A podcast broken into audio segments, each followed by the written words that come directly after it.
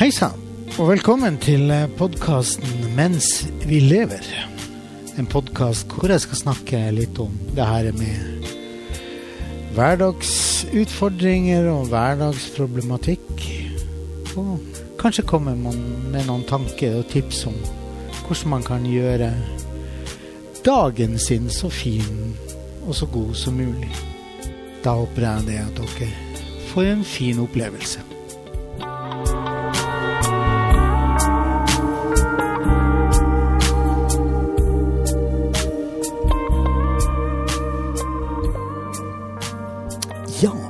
Velkommen tilbake til en liten søndagsstrøs igjen.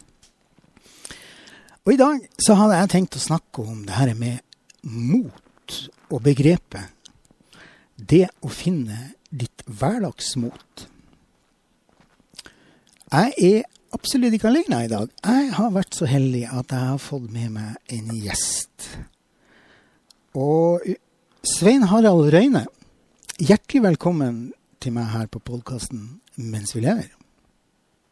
Tusen hjertelig takk. Veldig hyggelig å være med deg. Det høres bra ut. Uh, det er mye som kan sies om deg.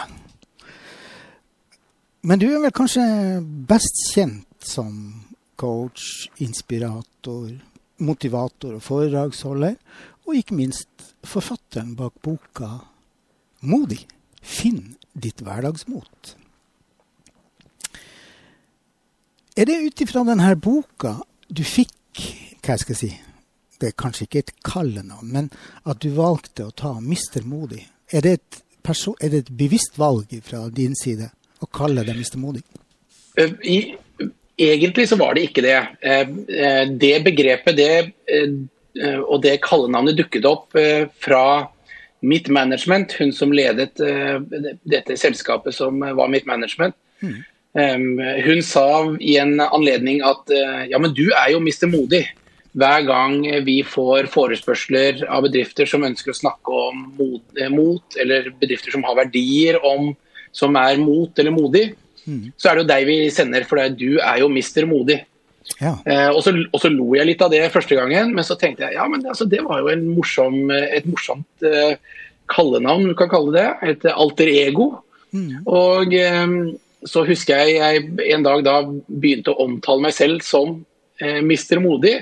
Og du kjenner jo litt på den nervøsiteten, hvordan blir det, eh, hvordan blir det tatt imot? Ja. Og, eh, men nå har det blitt helt naturlig. Mm. Så nå, nå, eh, er det mitt alter ego, det er min performance-navn. Ja. Og, og, og, jeg er veldig, veldig komfortabel med det. Mm.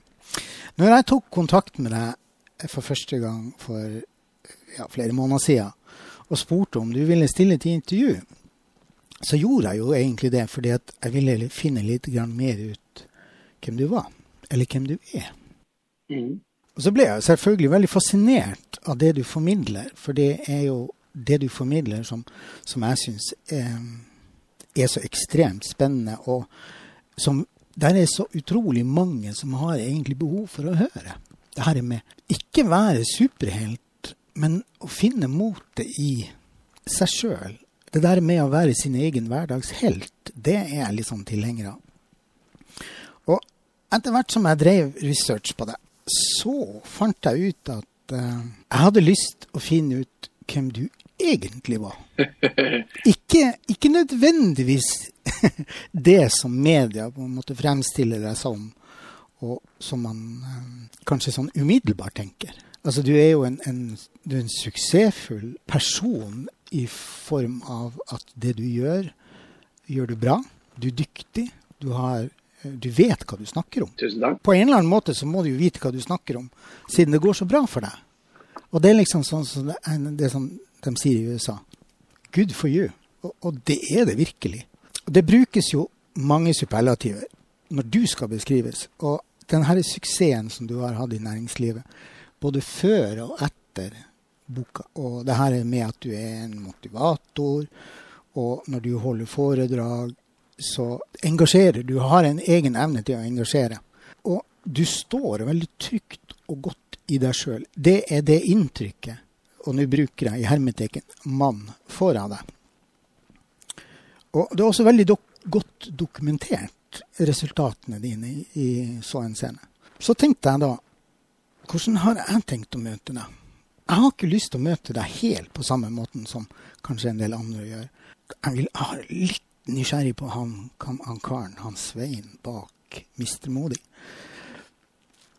Og jeg ville gjøre det som sagt litt annerledes når jeg skulle intervjue deg. Jeg har litt, litt sånn nysgjerrig på hvor er det du henter spunken, eller driven? Altså, du har alltid hatt en drive i deg, vil jeg tro. Eh, selv om den har vært mer eller mindre til stede. Så jeg er litt nysgjerrig på det. Hvor henter du driven din fra?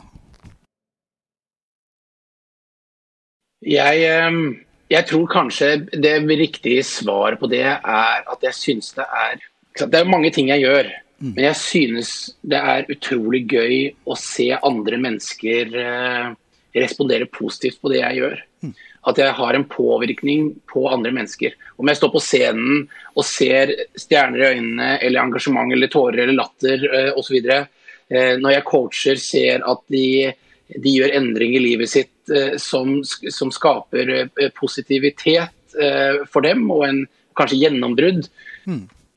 Det å føle at jeg, at, at jeg, gjør en forskjell på en måte i, i andres liv, det gir meg veldig, veldig mye energi. Er du avhengig av den tilbakemeldinga for å generere den driven? Ja, jeg er, veldig, jeg er veldig avhengig av å få bekreftelser eksternt fra. Jeg husker eh, min, eh, min ekskone og, og, jeg vi er ganske forskjellige, og hun var vel ikke veldig Hun har veldig sånn, en sånn trygghet i seg selv i forhold til at hun Når hun gjorde det bra, så klappet hun seg selv på skulderen og var veldig tilfreds med det. Og var veldig, syntes det var veldig fremmed at jeg hadde stort behov, anerkjennelsesbehov eller bekreftelsesbehov fra omverdenen. På en måte så følte jeg det litt skamfullt, for jeg føltes litt sånn mindreverdig. At jeg måtte søke bekreftelse fra andre mennesker, og at jeg beundret litt at hun hadde den egenskapen. Mm. Men samtidig så kjente jeg litt skam, skam, på det. Men etter hvert så har jeg innsett at eh, vi mennesker er forskjellige, og det er jo ikke noe som er rett og galt. Det er ingen som kan definere at eh, mitt bekreftelsesbehov er mindreverdig i forhold til de menneskene som klarer å bekrefte seg selv. Mm. Så jeg, jeg, er veldig trygg eh, i meg selv på at ja, jeg har et bekreftelsesbehov fra andre mennesker. Og det lever jeg veldig godt med. Og jeg tror at hvis vi er ærlige med hverandre, eller ærlige med oss sjøl, så har vi alle behov for den anerkjennelsen, det der lille klappet på skuldra, av de som er rundt oss. Du, det er jeg helt enig i men noen er mer avhengig av enn andre. Mm. Så eh, for, for, noen er det liksom toppen av kransekaka, men for andre er det hele kransekaka. Nettopp. Og eh, Ingebrigtsen Jensen husker jeg jo sa det at han, når han ikke var så mye i media, så, så, hadde, så hadde, han jo et, et, enormt savn etter bekreftelsen og, som han fikk gjennom å være synlig i media. Mm. Så Vi er forskjellige personligheter, vi er skrudd sammen på forskjellig måte. Det er ikke slik at det ene er mer verdifullt enn det andre vi er forskjellige og vi må akseptere det. Og, men jeg tror det viktigste er å akseptere seg selv, og ikke gå rundt og skamme seg over hvem den selv er. Mm. Og akkurat det der med å kunne se seg sjøl i speilet og så si Vet du hva, jeg er OK. Mm. Jeg er faktisk bra nok som jeg er. Det, det, tror jeg er noe de fleste trenger å trene på. Og det er ferskvare. Ja. Det må du faktisk trene på. Det er ikke noe som kommer til deg. Ja. Det er noe som heter at uh, du får ikke kontroll du tar kontroll. Mm. Og sånn er det også, tenker jeg da, ut ifra der jeg står, så tenker jeg altså det, det, det der med å ta eierskap og tørre mm. å være Altså, så, så den ærligheten din, den, den, eh, den, setter jeg så utrolig stor pris på. Fordi du er søkkedønn ærlig. Og det skal du ha applaus for. Takk skal du ha. Jeg har lyst å ta denne boka di bitte litt for, for meg. Mm. Jeg begynte altså jeg gjorde masse research og, og, leste, og så fant jeg ut at jeg må skaffe meg den boka. Og jeg kom til side 18 i boka. Og nå skal jeg lese opp det som står. Andre avsnitt. Ingen jobb. Ingen fast inntekt. Ingen medarbeidere som kunne hjelpe meg. Ikke noe sikkerhetsnett. Ingen kunder. Og ikke var jeg kjendis. Og i tillegg til at det fantes svært mange dyktige konkurrenter som hadde gjort det veldig bra. I det hele tatt. A leap of faith. Og når jeg leste det, så bare klappa jeg igjen boka. Tenkte jeg det at jeg skal ikke, lære, jeg skal ikke lese noe mer før jeg snakka med deg. Og nettopp de der a leap of faith Det er jo i utgangspunktet det mot handler om. Jeg tenker det at, at du kommer i en situasjon hvor hele livet ditt på en måte Altså, du velger å gå ut ifra noe som er trygt og godt. Og du snur ditt eget liv på hodet. Ikke fordi at du må, men fordi at du Jo, altså, du må jo. I, altså, sant? Men du, det er ditt bevisste valg. Mm. At du rett og slett sier at nei, time out. Nå hopper jeg av. Det, er det noe som virkelig krever mot, så er det det å gjøre noe sånt uavhengig av inntektsgrunnlag eller sluttpakker eller hvor mye man har i banken og sånn. Altså, det er jo en del ting i livet som gjør at det er vanskeligere å si, eh, hoppe av. fordi vi trenger jo forskjellige former for trygghet for at vi skal ha det bra. Men når du kommer til det punktet i livet at du rett og slett sier nok er nok, tjener halvannen million Nå sier jeg ikke at du gjorde det, men OK, jeg tjener halvannen million, million, i den jobben jeg gjør, men det er ikke godt nok. Fordi at jeg blir ikke tilfredsstilt. Det er noe som mangler i meg. Og da tenker jeg liksom det at Mr. Modig handler, eller Mrs. Modig, og nå utvider jeg det begrepet ifra å være bare deg til å være både herre og fru Modig. Alle vi mennesker. Det er med oss å hente fram det motet som skal til i oss sjøl. Hva gjør vi for å hente fram det motet? Hva kan vi gjøre? Har du noen tips? Jeg vet at du holder kurs og sånn, men har du noen gratistips å komme med? Ja, altså det er jo mange som ønsker quick fixes på det å være modig. Mm. Og eh, jeg sier at ja, det finnes noen quick fixes. Mm. Eh, men det er litt som Paracet. Short term. De, de hjelper deg kortsiktig, men det gjør ikke noe med ditt eh, fundament. Så du kan lære konkrete teknikker på hvordan du kan eh, takle frykten for å bli avvist. Mm.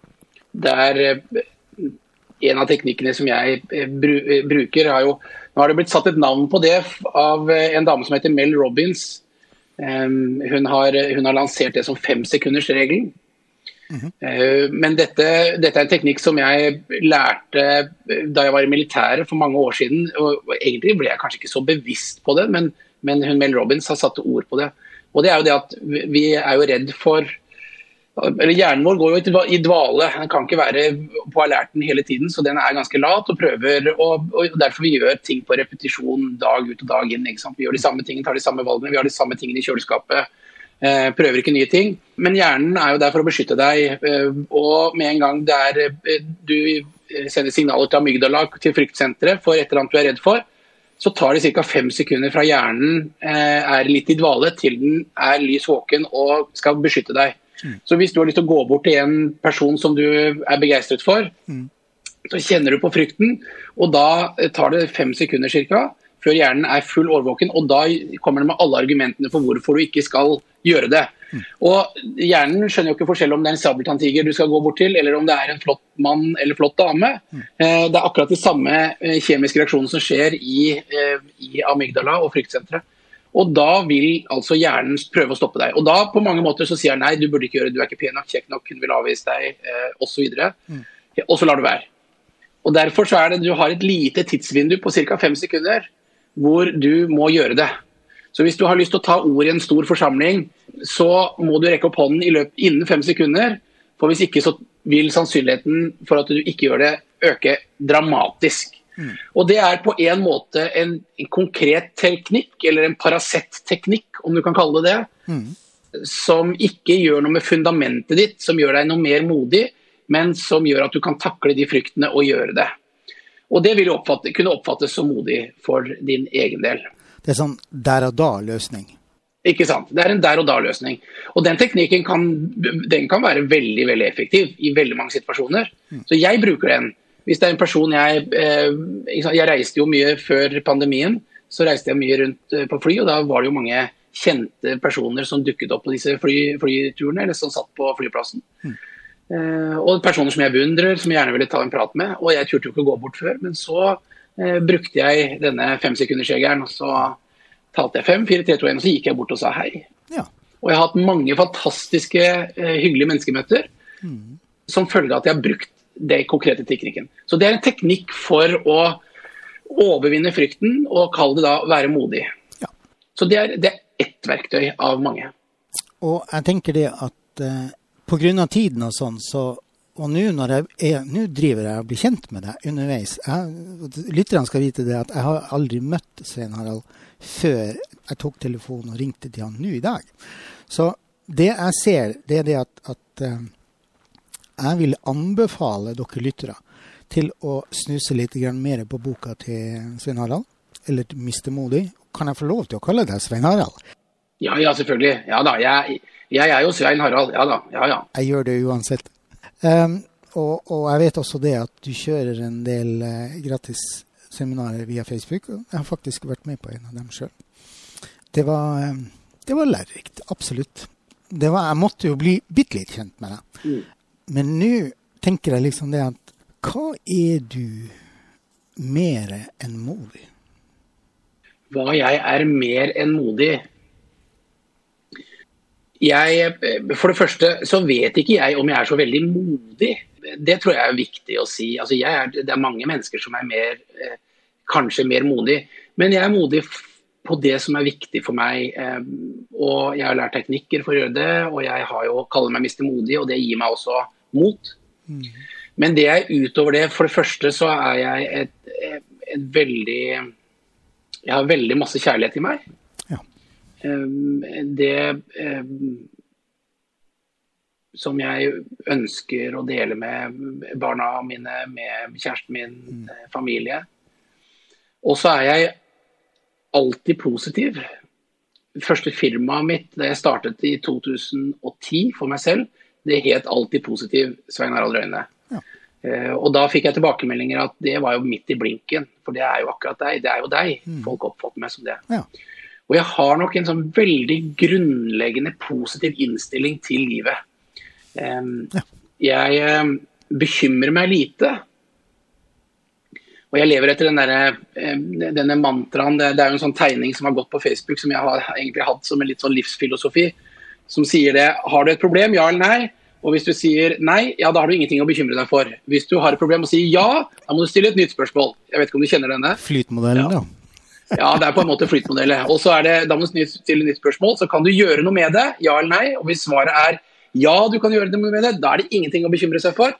Og hvis svaret er nei, du kan ikke gjøre noe med det, ja, da er det heller ingenting å bekymre seg for. Ergo, det er ingen grunn til å bekymre seg. Um, Eh, fordi det, det, det gir ingen eh, det, det, skaper ikke noe fremdrift. Det er ingen løsning i det. Det er, eh, det er bare destruktivt. Så, og, og har, denne modellen har jeg jo sett i etterkant, men jeg er nok litt sånn en, en, optimist, eller, en optimist ser eh, løsninger i ethvert problem, og en pessimist ser problemer i enhver eh, mulighet. Så jeg, så jeg, jeg, er nok der. Så det, er, det, kjennetegner nok meg, at jeg er alltid positiv. Mm.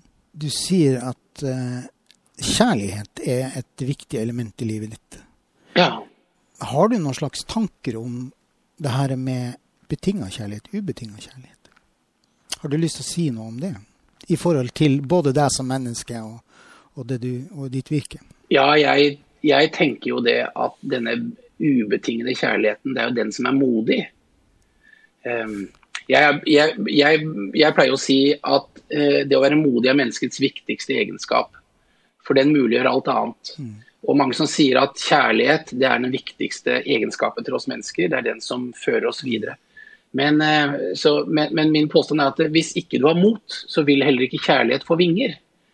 Fordi Hvis ikke du tør å, eh, å faktisk være da, betingelsesløs, vise betingelsesløs kjærlighet, hvis ikke du tør å vise eh, at du elsker en person, så vil heller aldri den kjærligheten få vinger og kunne blomstre. Så Du er jo nødt til å erklære din kjærlighet overfor et annet menneske for at det skal kunne utvikle seg og vokse. Og det gjelder jo like mye i, i relasjon altså til de aller nærmeste, våre barn, våre partner, mm. alt det her. Men det gjelder også veldig mye i møte med andre mennesker. Ja.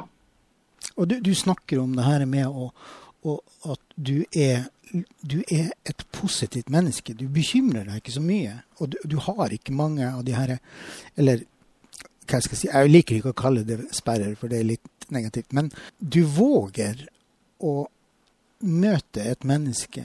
Altså, har du sett filmen 'Avatar'? Ja. ja. Der har de uttrykket 'jeg ser det'. Mm. Og det her er med oss å møte mennesker og si det at 'jeg ser det'. Og da selvfølgelig ut ifra hvor godt man kjenner mm. Men det her er med oss å gi seg selv lov til å se et annet menneske for det de er. Ikke for det, det ryktet man har, eller den derre Hva skal jeg si eh, Jo mindre forutinntatt man er i møte med andre mennesker, jo flottere blir møtene. Helt uavhengig av om de er mange og lange, eller om det er ett kortet. Er det det du tenker på når du snakker om den ubetinga kjærligheten? Ja, jeg tenker på den. Selv om jeg ikke alltid tenker kjærlighet rundt det, men så tenker jeg den. Og jeg, mine, dette lærte jeg om, eh, egentlig av moren min da jeg var ung. Det er at gjør det alltid opp din egen mening om andre mennesker. Ikke bli farget av andre. Og da jeg begynte, da jeg gikk fra barneskolen til ungdomsskolen, så det var på det tidspunktet såpass tidlig, eh, så eh, skulle vi få en gymlærer. Og han, han gikk under kallenavnet Apa. Og han var den verste gymlæreren ever, fikk jeg høre. Han var helt forferdelig. Og eh, når jeg kom dit, eh, så bestemte jeg meg for at eh, nei, jeg må, jeg må danne meg min egen oppfatning. Og så viste det seg at han var en veldig god gymlærer. Han var veldig god gymlærer. Mm. Og jeg var veldig glad i idrett, eh, og jeg var flink. Mm. Så det gikk bra. Men han var veldig dårlig menneskekjenner. Oh, ja. Så han var kjempedårlig. Og du kan tenke deg alle elevene som han fikk, de hadde altså blitt programmert med at han er forferdelig. Og når han da var dårlig menneskekjenner og dårlig til å behandle og, og, og lese mennesker, og sånn, så ble det krasj. Så alle som kom dit han, han, altså han, han, kunne ikke vinne, han. Han hadde tapt før han fikk et nytt kull hvert eneste år, for han var dømt. Han var dømt før folk møtte han. Eh, mens, eh, og jeg sier ikke jeg er noen helgen. Jeg har, jeg har jo vært, eh, vært eh, ungdom og gjort ting som jeg nødvendigvis ikke burde ha gjort. Men samtidig, i den relasjonen der, mm. så gikk jeg inn med et åpent sinn og fikk en god relasjon, og eh, det funket. Men jeg så jo at han ikke funket med de andre. Mm. Men det tror jeg skyldtes at jeg møtte han med et åpent sinn, eller, med kjærlighet, om du kan kalle det for å ta ja. det, det, var selvfølgelig ikke ord jeg ville tenkt på i, i den aldersgruppen der, men, men likevel. Så, så, og jeg, jeg, tror jo, hvis, skal, hvis, hvis man skal hvis en, En tanke som slår meg nå, er jo at eh, nysgjerrighet er egentlig en gren av kjærlighet. Mm. Fordi med en gang du er nysgjerrig på andre mennesker, så er det en litt, sånn kjær, en litt kjærlig handling. Det, det betyr at du eh, istedenfor at du dømmer, så er du interessert. Hvilket, og dette mener jeg kanskje er den viktigste egenskapen for oss mennesker fremover, å, å være nysgjerrig det er den måten vi kan klare å håndtere alle konfliktene, alle uenighetene, alle forskjellige legninger, kulturer. Eh, alt, altså det å rett og slett å være nysgjerrig. Og jeg tror det har noe med kjærlighet å gjøre. At du faktisk, ved å være nysgjerrig, så har du et ønske om at de menneskene du møter, eh, kan bli et godt menneskemøte, eller, eller, eller er, er, gode i, i bunn, da. Ja, og jeg, jeg tror altså det her er med, det her er med altså å jeg pleier alltid å stille meg spørsmål når jeg møter mennesker, uansett hvem de er. Så pleier jeg alltid å stille meg det spørsmålet Hva kan jeg lære av deg? Mm. Og hvis jeg skal være i stand til å lære noe, så er jeg nødt til å ha med meg jeg er nødt til å ha med meg åpenheten, jeg er nødt til å ha med meg respekten, jeg er nødt til å ha med meg imøtekommenheten. Og det å ikke være fordomsfull. Og som du sier om han gymlæreren din, at uh, din sannhet, det var ikke det som det, Eller din sannhet ble ikke den sannheten som de andre hadde. Fordi at du hadde en helt annen state of mind når du gikk inn og skulle møte han, og du så han. Og det er sånn der, Jeg tenkte også det når, når jeg begynte på eh, Mistemodig. Så tenkte jeg nei, egentlig så vet jeg litt for mye om det. Men eh, det er jo greit å være litt forberedt når man skal snakke med, med noen mennesker. Da. Og spesielt hele intensjonen min med å møte deg, det var jo at her har vi kanskje et menneske som kan være med oss og formidle noe som er positivt. Her har vi kanskje et menneske som kan løfte, få andre til å løfte litt blikket opp ifra hva skal jeg si, den her daglige tralten som vi går i. Og, og det er som du sier, at hjernen går på autopilot mesteparten av tiden. Vi gjør det vi er vant til å gjøre. Vi har det vi har i kjøleskapet. Vi har, altså, det, livet vårt består så veldig mye av rutiner. Ikke sant? Og vi må ha rutiner for å skape trygghet. Mm. Og vi må ha trygghet for å kunne ha et godt liv. Så snur du den og så sier du det at hva skal til for at jeg skal få et godt liv? Ja, hva vil du ha? Og så begynner du å stille deg ikke spørsmålet om hva er det i mine tidligere erfaringer som har gjort at jeg ikke vil ha det og det og det og det? Jeg vil ikke ha den type dame, jeg vil ikke ha den type bil, jeg vil ikke ha den type jobb osv. Based on de erfaringene du har. Og så har du aldri stilt deg spørsmålet ja, men hva vil du? Ja, det er helt riktig. Mm. Hva ønsker du? Sant? Hva ønsker du? Hvordan ser din dag ut? Hvordan skal din verden se ut? Og da nytter det ikke å ligge i bagasjerommet. Da må du ut av bagasjerommet, opp i førersetet i livet ditt og si OK, Hvorfor skal jeg minne meg på hver eneste dag det jeg allerede vet at jeg ikke vil ha? Mm. Ah. Og så må du finne frem penn og papir, og så må du begynne å skrive 'Jeg vil ha'. Mm. Jeg er helt enig. Og da er du modig. Da er du modig når du tør å gjøre den forandringen. Mm. Jeg tenker det at, at du er for meg Nå skal jeg Jeg har ikke putta deg på noen pidestall, for det gjør jeg aldri. Jeg har, et, jeg har et begrep som heter at uansett hvem du er, kong, kong Salomon eller Jørgen Hattemaker, så er odøren av det som eh, vi kjenner når vi har vært på do, helt lik. Det er helt sant. Det var veldig, veldig pent. Skjønner du? Det var veldig pent pakka inn. Men ja. vi er egentlig ikke så forbanna forskjellige. Nei, nei, nei vi har bare litt sånn forskjellig utgangspunkt, eller vi har forskjellig bagasje med oss på livets vei. Mm. Noen har vært flinke til å rydde bagasjen og bearbeide det de har. Andre går med en 150 kilo sekk som man aldri har tømt. Vi skal avslutte det her. Jeg har egentlig Jeg kunne ha sitt, sikkert sittet en uke og prata med deg, for nå kjenner jeg at nå begynner jeg å bli varm i trøya. Ja. Men uh, vi har gjort en avtale på forhånd om at her, den søndagspraten skal uh, ikke bli for lang. Jeg glir, glir, litt over, så er det ikke noe problem for meg, det. altså. Så du får bare stille spørsmål. Mm. Ja, jeg har, jeg har, tenkt å gjøre det. Jeg har en baktanke med det jeg sier nå, eh, eller sa i stad. Jeg har lyst til å spørre deg litt om det her med suksess. Hvor viktig er suksess for deg? Suksess for meg avler eh, Eh, inspirasjon, egen inspirasjon og motivasjon til å fortsette. Så det er, det er, litt sånn Det er mange som jager etter penger, men penger er bare et, et symbol på at du har lykkes med det du ønsker å gjøre.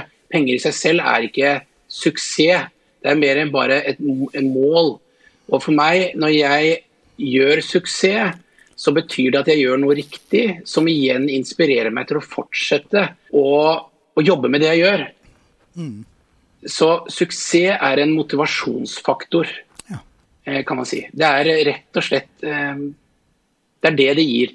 Det, det er noe med å oppnå suksess ja, La meg si det sånn, da. Det er jo veien som er gøy. Eh, eller som må være gøy. Jeg, synes dette bildet til når Marit Bjørgen hadde vunnet ski-VM her i Oslo, og de sto nede på Eh, sto nede på, utenfor Oslo universitetet. Eh, og det var tusenvis av mennesker som var der, eller hundre tusen mennesker som var der, og flomlys var på osv. Og så var VM over, så slo de av lysene, og så var det ikke noe flombelysning på. det. Og da hadde eh, Marit Børgen sagt det at det var så tomt etterpå. Var det alt? Og jeg tror derfor at eh, hvis du jakter suksess og tror at når du har nådd, oppnådd suksess, så blir du lykkelig, det, det tror jeg du skjønner Eh, den første gangen. Så Derfor så må suksess bety noe annet for deg enn at det er målet. Eh, suksess er bare en, en ny motivator for å jobbe videre. Og Det er jo sant, det er veien mot suksess som må gi deg energi, som må være gøy, som må gi deg glede, eh, som gir deg mestringsfølelse osv. Og så oppnår du suksess, og det gir deg igjen motivasjon til å fortsette på veien. Alle de harde dagene, alle de lange dagene, alle de eh, krevende oppturene, nei, nedturene og oppturene.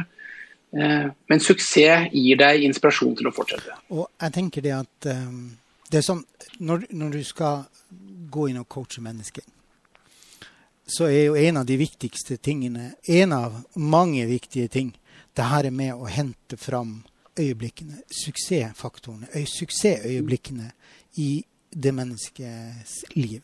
Mm. Det mennesket som forestiller deg Kjenn den følelsen av når du osv. osv. Og hent den følelsen. Klarer du, også, klarer du, å mane frem den følelsen? Og, og det her med Jeg tenker det her med suksess Det trenger ikke bare være målt i kroner og øre. Absolutt ikke. Men, men, det er alt det som befinner seg på den strekningen fram til belønningen. Ja, og, du, og, når du får en mestringsfølelse på en eller annen måte. Og det kan være som man på mange områder. Ja. Et siste spørsmål, så skal jeg la deg få gå. Um, ja, okay. Utover dine talenter og evner, hva er Hans Svein Harald mer enn det? Hvordan vil du beskrive din identitet? Ehm, jeg vil si to Det er to ord som ehm, er min identitet, og som er både min styrke og min svakhet. Mm. Ehm, som eh, gir meg fantastisk positive opplevelser og tilbakemeldinger. Mm. Og samtidig gir meg vonde, vanskelige opplevelser. Mm. Og det er at jeg har valgt, og kanskje det faller meg ganske naturlig, å være transparent. Ja. Og, og, gjøre meg sårbar. Altså tørre å vise både det som er bra med meg, som de fleste gjør, men også det som ikke er så bra med meg. Mm. Og jeg tror jo det at Med en gang jeg tør å vise min sårbarhet, så gir det meg styrke. For uh, sårbarhet er jo en destruktiv følelse hvis du forsøker å skjule den, uh, og den blir stukket i hele tiden. Men hvis du er transparent overfor din sårbarhet, så vil den ikke være en trussel på, på en måte.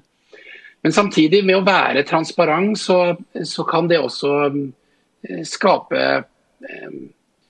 Det kan skape situasjoner som man ikke ønsker, som kan være vanskelig.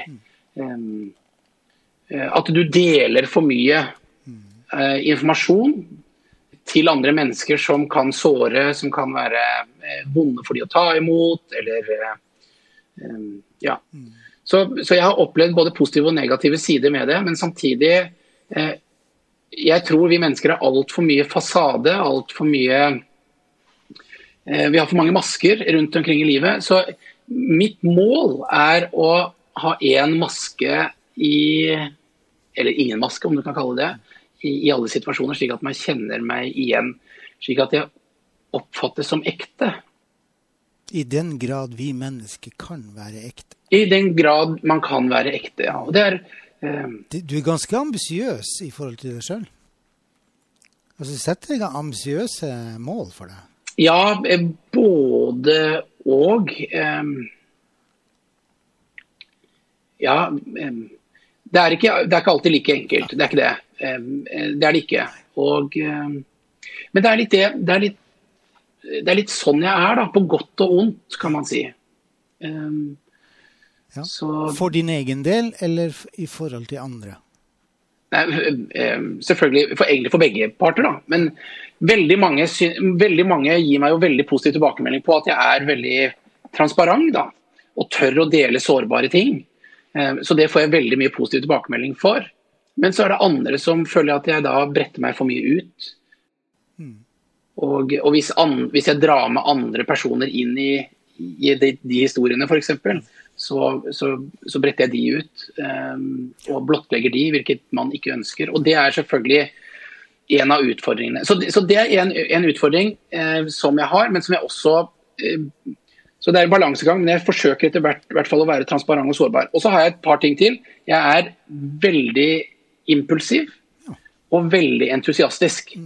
Og Det kan også være veldig positivt, og så kan det eh, samtidig gjøre at jeg prater før jeg tenker, og at jeg kan også både såre omgivelser eh, eh, og gjøre ting som, som, ikke nødvendigvis jeg burde ha gjort hvis jeg hadde latt det gå gjennom et par ganger gjennom silingsprosesser. Men det her er med jeg hadde egentlig ikke tenkt å stille noe mer, men nå kommer, det til det med å formidle. Altså Når du forteller, når du er transparent, når du er ærlig, når du er synlig, og du ikke har kontakt med kontrolltårnet, for å si det sånn, og lar impulsiviteten og spontaniteten få fritt spillerom, og du kommenterer noen eller har noen meninger om forskjellige ting,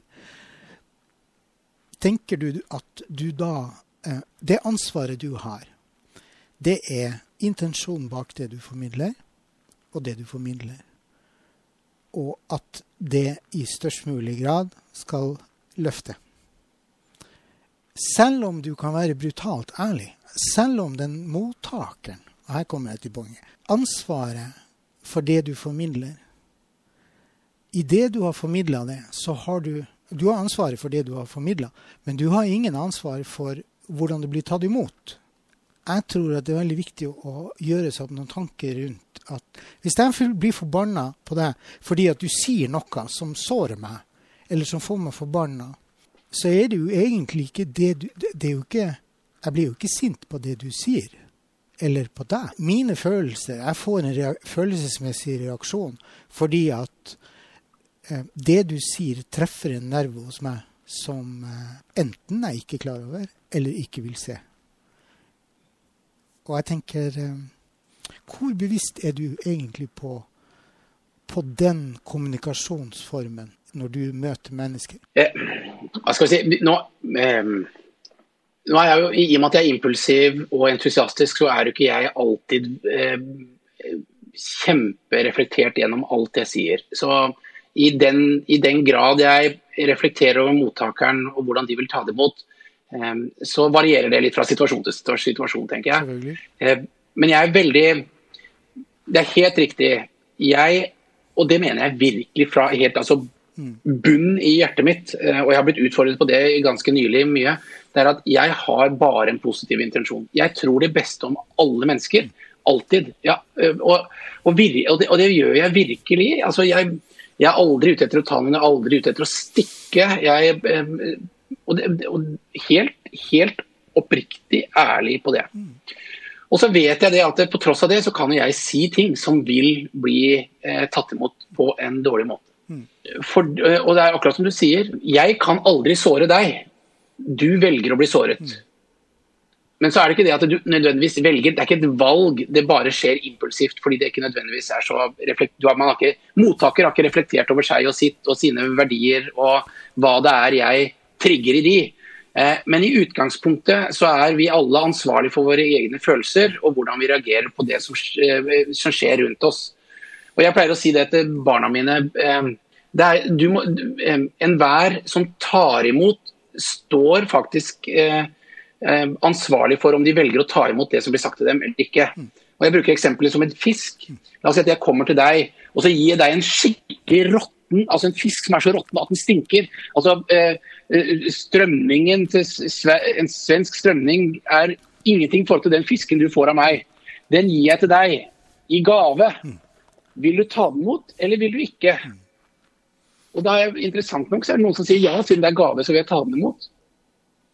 Men, eh, men de fleste lander på nei, jeg vil ikke ta den imot. Nei. Og da sier jeg hvis jeg kaller deg en idiot, vil du ta imot det? Og det gjør jo de fleste. Hvis jeg kaller deg en idiot, så tar jo folk det inn i seg. Men det er jo en, en, en strøm, eller surstrømming eller en, en, en råtten fisk. Men vi velger å ta imot disse råtne fiskene som kommer til oss i forkledd i forskjellige ord. Eh, men da er det jo vi, vårt valg. Så derfor så, Når noen sier noe negativt til deg, nå, noe skjeller deg ut osv., så, videre, så så er det du som har valget om du vil ta det til deg eller ikke, eller om du vil stoppe det før det kommer inn i hjertet ditt eh, i, i, og inn, i, inn i, ditt mentale sinn. Altså. Og med det, vet du hva? Jeg skulle så inderlig gjerne ønske å få snakke mer. Jeg håper at vi kan snakkes ved en senere anledning. Jeg tror vi skal runde av her. Mm. Og ifra bånn av hjertet mitt så vil jeg få takke deg, Svein Harald, for at uh, du stilte opp. Bare hyggelig. Jeg hadde ingen tanker om hvorvidt du ville stille opp eller ikke. Jeg tenkte det at uh, jeg er nysgjerrig på deg, og jeg gjorde det på den måten som du skisserte opp litt tidligere i, i intervjuet, det med femsekundsregelen. Svarer han nei, så er det greit. Svarer han ja, så er det veldig fint. Så tusen takk for at du stilte opp. Bare hyggelig å få lov til å være med og dele tanker. Og med det, kjære lyttere, da håper jeg det at dere har fått en spennende tid her på podkasten mens vi lever. Håper at uh, dere har kost dere masse med Søndagskaffen. Og at eh, dere kommer dere ut og kjenner på lufta og gjør noe som er godt for deg. Og med det så avslutter jeg sånn som jeg pleier å gjøre med podkasten min. Masse lys og kjærlighet ifra meg til deg. Ha det bra.